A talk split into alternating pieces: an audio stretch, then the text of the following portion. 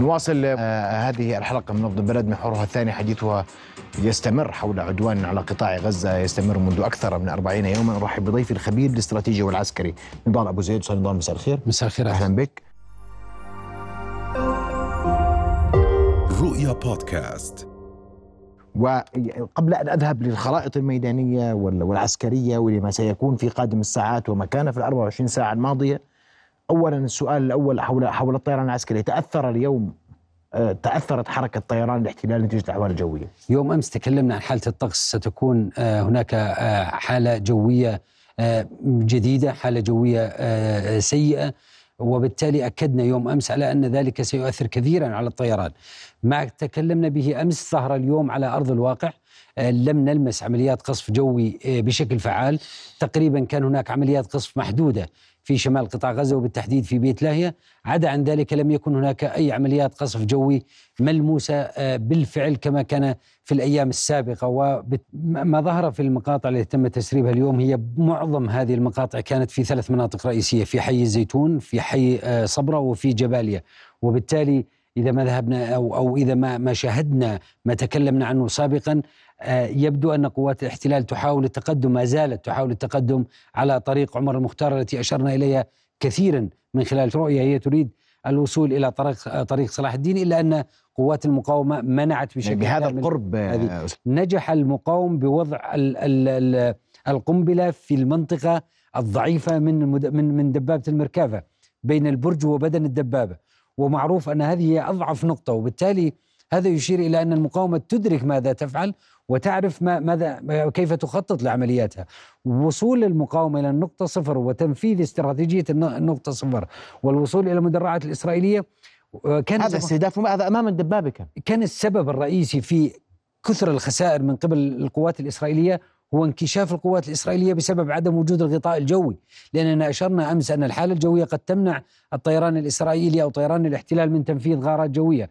وبالتالي لم يتوفر الإسناد الجوي الكافي لقوات الاحتلال من ناحية وهو ما وفر قدرة للمقاومة للوصول آه، إلى قوات المقاومة إلى قوات الاحتلال. والنقطة الأخرى وهي الأهم أن سبب الخسائر الكبيرة في القوات وهذا البشرية. استعراض لعتاد قوات الاحتلال اللي كان اللي تم يعني اليوم آه، يعني السيطرة عليه بعد العمليات العسكرية. نعم وسبب الوصول إلى إلى القوى البشرية والارتفاع في القوى البشرية اليوم نحن نتكلم لغاية هذه اللحظة عن 63 جندي إسرائيلي فقط اليوم. إذا ما أخذنا فقط بالتصريحات الإسرائيلية نتكلم عن 13 جندي في يوم واحد في 24 ساعة. والسبب في ذلك أن الجنود الاحتلال بدأوا ينزلون من آلياتهم في محاولة لتطهير أو الوصول إلى بعض المباني الموجودة لكن نجحت المقاومة بشكل كبير جدا في استهداف آه، القوات الإسرائيلية. وبالتالي هذا يعزز ما كنا نقوله سابقا. مجرد نزول الجندي الإسرائيلي من آلياته يعني أن خسائر القوات الإسرائيلية سترتفع في القوى البشرية. جميل. أنتقل للخرائط أستاذ نضال والجديد فيما يحدث خلال 24 ساعة الماضية وما سيكون في ال 24 ساعة القادمة. يعني كانت معظم تقدمات أو محاولات الاحتلال التقدم هي عبر الطريق الرئيسي الذي كنا نشير له دائما وهو طريق عمر المختار، أراد الاحتلال الوصول إلى قلب مدينة غزة وبالتحديد أراد الوصول إلى طريق صلاح الدين حتى يفصل غرب غزة عن شرق غزة، إلا أن ما حصل بالقرب من طريق صلاح الدين. بالتحديد في حي الزيتون هنا على الخارطة المباشرة كان هناك عمليات كبيرة وأغلب العمليات والمقاطع التي نشرت نشرت في حي الزيتون. كان هنا في حي صبرة بالتحديد في هذه المنطقة كان هناك عمليات كبيرة وبالتالي كانت تريد قوات الاحتلال الوصول عبر طريق الجلاء إلى وطريق العمر المختار إلى آه، محور صلاح الدين أو طريق صلاح الدين حتى تفصل شمال غزة آه، شرق غزة عن عن غرب غزة إلا أن ذلك لم ينجح بسبب شدة المقاومة نجحت المقاومة آه، باستمكان قوات العدو داخل المباني شاهدنا العديد من اللقطات لاستهداف قوات العدو حتى لقطات شاهدناها بالقناصين. وبالتالي هذا يشير إلى قوة المقاومة في حال فقدان قوات الاحتلال للغطاء الجوي. نعم. الطقس ساعد المقاومة بشكل جيد جدا. آه، ال ال ال اليوم هو كان يوم آه، للمقاومة بامتياز. خسائر قوات الاحتلال أنا أعتقد إذا ما أحصينا عدد الآليات اللي ظهرت في المقاطع فقط وسأذهب بعيدا عن بيانات المقاومة وبعيدا عن بيانات آه، قوات الاحتلال عدد الآليات 16 آلية تقريبا. وبالتالي إذا ما أخذنا بعين الاعتبار أن دبابة المركافة تحمل ما بين أربعة إلى ست جنود وناقلة النمر تحمل 14 جندي بالمتوسط الحسابي نفترض أن كل آلية كانت تحمل أربع جنود وبالتالي خسائر الاحتلال تجاوزت ال 40 جندي فقط اليوم في ال 24 ساعة هذه. هذا يعزز ما أشارت إليه بعض المصادر الإسرائيلية من تصريحات آه، صدرت صباح اليوم على لسان آه، بعض المسؤولين أن آه، عمليات الدفن في إسرائيل تتم تقريبا باليوم تتجاوز الخمسين حالة دفن لجنود إسرائيليين. وبالتالي أنا أذهب باتجاه هذا الخيار وهذا التقييم. هناك من تحدث أنه كل ساعة في دفن العسكري. نعم. أنا لا أستبعد ذلك لأن كل ما تقوم به المقاومة من عمليات يشير صراحة وبشكل فعال على أن المقاومة لا تزال آه، آه، تتمتع بقابلية حركة جيدة. هي لديها القدرة على تنفيذ تكتيكاتها. اليوم نجحت أيضا المقاومة في قصف عسقلان وفي قصف كوسوفيم وبالتالي أشرنا في حلقات سابقة إلى أن ما دامت المقاومة تستمر في عمليات الرشقات الصاروخية إذا المقاومة تمتلك القدرة على التلاعب بالقوات الاحتلال من ناحية والقدرة على إدارة المشهد العملياتي من ناحية أخرى أود أن أشير إلى نقطة فضل. حصلت في شمال قطاع غزة م. بالتحديد في مخيم جباليا على الخارطة مباشرة وقريبا من منطقة آه، آه، بيت حانون آه، قريبة من من مخيم جباليا في في كلتا النقطتين حصلت عمليات كبيرة وزخم العمليات العسكرية منذ الصباح كان في منطقة بيت حانون مخيم جباليا باتجاه الشيخ رضوان إلى ماذا يشير ذلك؟ يبدو أن قوات الاحتلال وعلى المحور الشمالي الشرقي تريد التقدم من بيت حنون باتجاه مخيم جباليا إلى جباليا إلى الشيخ رضوان وتعبر عبر طريق الجلاء للوصول والاتصال مع قواتها على طريق عمر المختار إلى أن ذلك هل تحقق ذلك؟ لم يتحقق ذلك بسبب قوة المقاومة التي تمركزت في منطقة الشيخ رضوان بالتحديد وفي منطقة جب... مخيم جباليا كما أشرت وفي آه، بيت حنون لا زالت المقاومة تركز على قوات الاحتلال وعلى الإمداد اللوجستي لقوات الاحتلال. فقط أود أن أشير إلى نقطة من ضمن الخسائر البشرية التي ظهرت والتي بالمناسبة أعلن عنها على على آه، لسان الناطق الرسمي باسم جيش الاحتلال. شاهدنا أن أربع جنود تقريبا وضابط برتبه رائد هم معظمهم من قوات الإمداد. وأشار إلى ذلك صراحة أنهم يتبعون لقوات الإمداد. واحد منهم كان يتبع لكتيبة هندسة. هذا يشير على أن المقاومة لا تزال تركز على الطرق اللوجستية وعلى الوحدات اللوجستية لقوات آه، الإسرائيلية وقوات الاحتلال.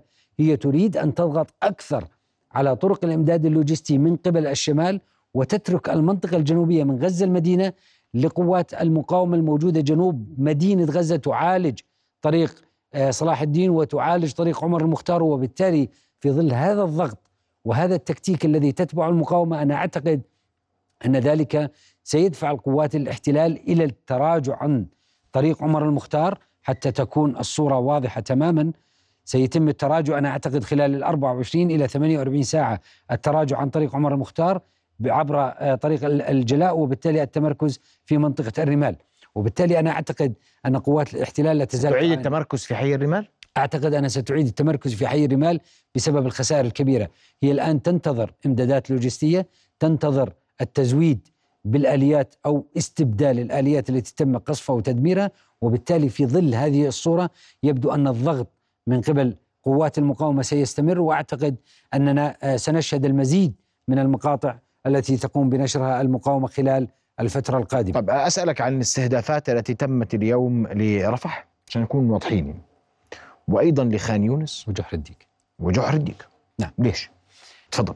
آه، قلنا يوم أمس أو أشرنا يوم أمس إلى تصريحات آه، يؤاف جالنت وزير الدفاع الإسرائيلي أن العمليات ستتوسع وأن سننتقل إلى المرحلة الجديدة. م. وأشرنا حينها أن إذا كان الغباء في قوات الاحتلال فهي ستنتقل إلى المنطقة الجنوبية من قطاع غزة أي إلى جنوب وادي غزة لأنها كيف تنتقل إلى جنوب قطاع غزة وهي لم تكمل السيطرة الكاملة على آه، شمال قطاع غزة. وبالتالي أعتقد أن ما تتكلم به أستاذ محمد حول جحر الديك ورفح هو عمليات تمهيدية آه، لتحرك المحور الشرقي آه، من من من غزة باتجاه مناطق جحر الديك والبريج محاولة للوصول إلى شاطئ غزة.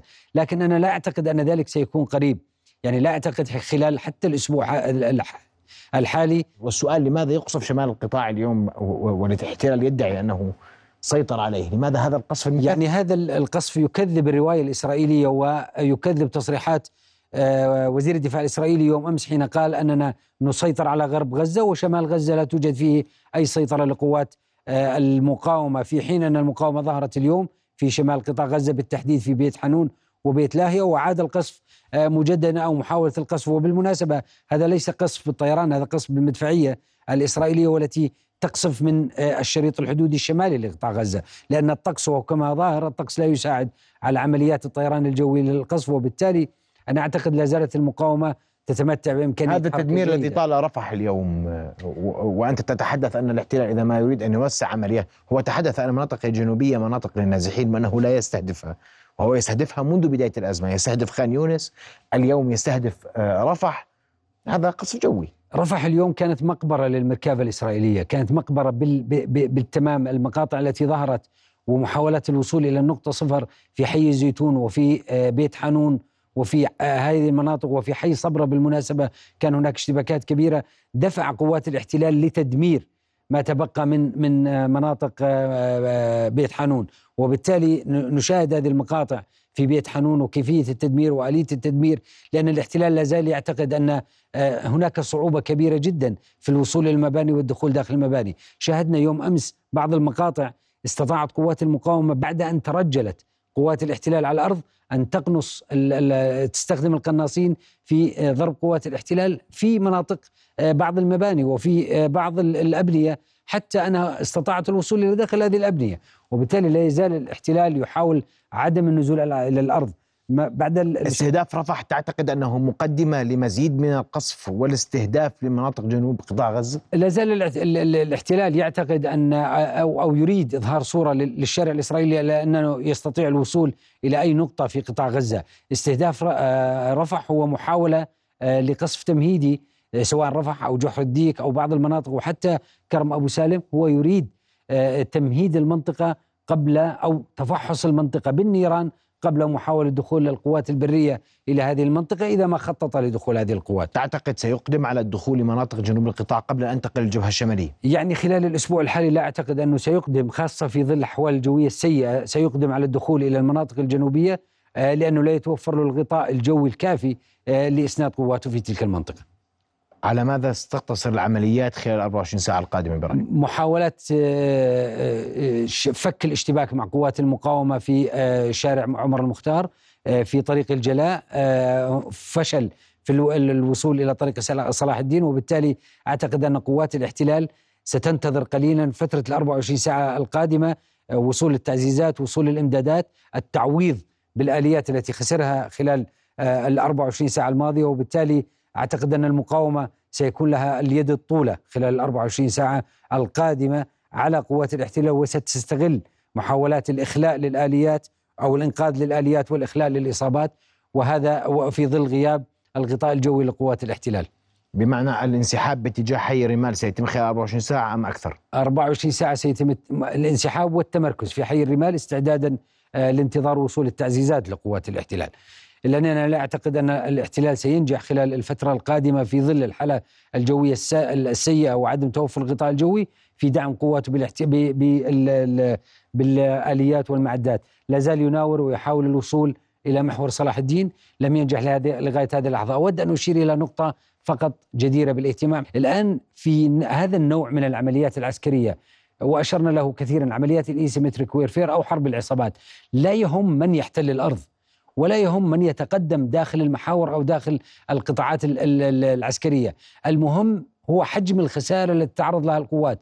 من يصمد أكثر ونحن الآن نتكلم أننا في مرحله أننا في مرحلة كسر عظم بين المقاومة وبين قوات الاحتلال.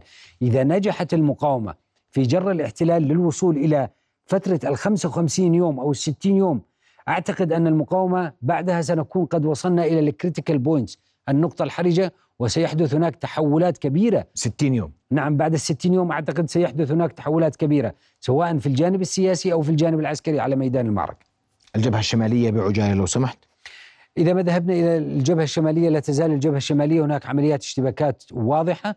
آه، هناك تصعيد آه، في مستوى العمليات الاستنزاف. اليوم آه، وصل القصف الإسرائيلي إلى عيت الشعب وصل القصف الإسرائيلي آه، إلى آه، الناقورة وبالتالي لا أعتقد ما زالت العمليات مضبوطة نوعا ما وبالتالي لا أعتقد أن العمليات ستتطور على الجبهة الشمالية لأن أشرنا إلى ذلك عدة مرات أن عمليات أو التحكم في مشهد العمليات العسكرية في شمال الأراضي المحتلة من من فلسطين أو في جنوب لبنان وقرار الحرب هو ليس بيد إسرائيل وليس بيد حزب الله. هناك إيران وهناك الولايات المتحدة الأمريكية وبالتالي أعتقد أننا لازلنا في مستوى تقييمنا في الضبط. وهو الضبط للعمليات العسكرية في شمال الأراضي المحتلة. نعم. أشكرك. كل الشكر آه، آه، الخبير الاستراتيجي والعسكري نضال أبو زيد على وجودك معنا ليلى شكرا جزيلا لك. كل الشكر.